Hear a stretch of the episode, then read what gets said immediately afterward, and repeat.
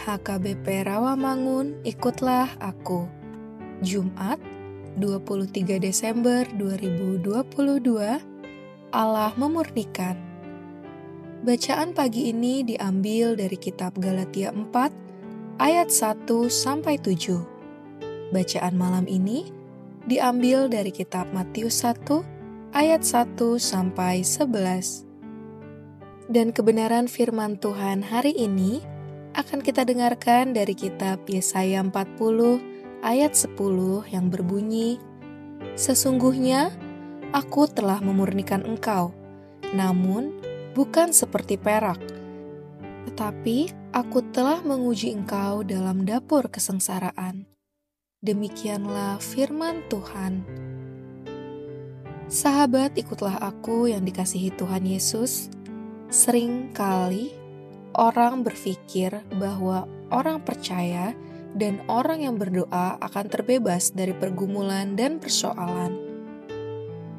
Atau sebaliknya, ada juga orang yang berkata, "Kenapa ya?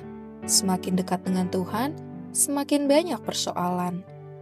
Apakah Tuhan pernah menjanjikan bahwa pengikutnya akan terbebas dari persoalan, atau sebaliknya, orang yang tidak mengikut Tuhan juga hanya mengalami sedikit persoalan?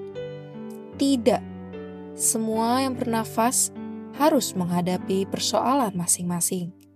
Jadi, apakah perbedaan antara orang percaya dan tidak? Mengapa harus menghadapi penderitaan? Mengapa terjadi? Nas hari ini menjadi kebenaran yang menjawab pertanyaan orang percaya bahwa terkadang penderitaan adalah jalan Tuhan untuk menguji setiap orang yang percaya kepadanya. Sangat jelas bahwa setiap penderitaan terjadi atas seizin Tuhan, sebagaimana yang terjadi dalam hidup Ayub. Dengan air mata derita, Tuhan pakai untuk membersihkan penglihatan pengharapan orang percaya, supaya melihat jelas kuasa dan perbuatan Tuhan. Mungkin kita berpikir, aku sudah baik. Atau kita bertanya, sepertinya saya bukan orang jahat, saya tidak pernah menjahati orang lain. Mengapa penderitaan ini tak kunjung selesai dari hidupku? Hari ini Tuhan jawab, penderitaanmu adalah alat Tuhan untuk memurnikanmu dari dunia ini. Dan lebih dari itu, kita pun gembira. Atau, mari kita pun gembira di dalam penderitaan, sebab kita tahu bahwa penderitaan membuat orang menjadi tekun, dan ketekunan akan membuat orang tahan uji. Inilah yang menimbulkan pengharapan. Amin. Saudara-saudari yang terkasih, marilah kita bersatu di dalam doa.